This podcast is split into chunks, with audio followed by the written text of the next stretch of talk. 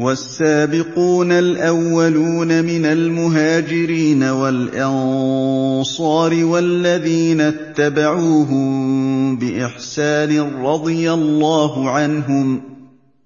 رَّضِيَ اللَّهُ عَنْهُمْ وَرَضُوا عَنْهُ وَأَعَدَّ لَهُمْ جَنَّاتٍ تَجْرِي تَحْتَهَا الْأَنْهَارُ خَالِدِينَ فِيهَا أَبَدًا ۚ. ذَٰلِكَ الْفَوْزُ الْعَظِيمُ. هذه الآية احفظها وافهم معناها فيها الوعد من الله والثناء على السلف والسلفيين. لا تستغرب. السابقون الأولون من المهاجرين والأنصار والذين اتبعوهم بإحسان رضي الله عنهم ورضوا عنه.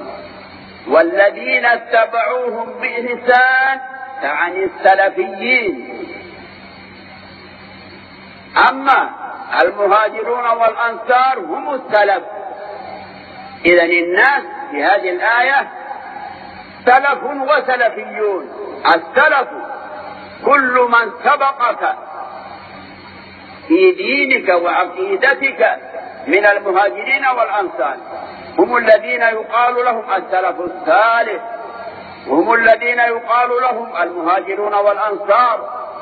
وهم الذين يقال لهم أهل بيعة الرضوان وأصحاب الشجرة والبدريون. هؤلاء هم السلف. والسلفيون هم الذين تعنيهم الآية بقوله تعالى والذين اتبعوهم بإحسان. إذا اتبعت السلف في عقيدتك وعبادتك وأخلاقك وسلوكك. ولو جئت في آخر الدنيا أنت تدخل في عموم هذه الآية.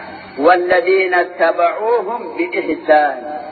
افهم جيدا واشكر ربك إن وفقك أن تكون من أتباع السلف الصالح من المهاجرين والأنصار.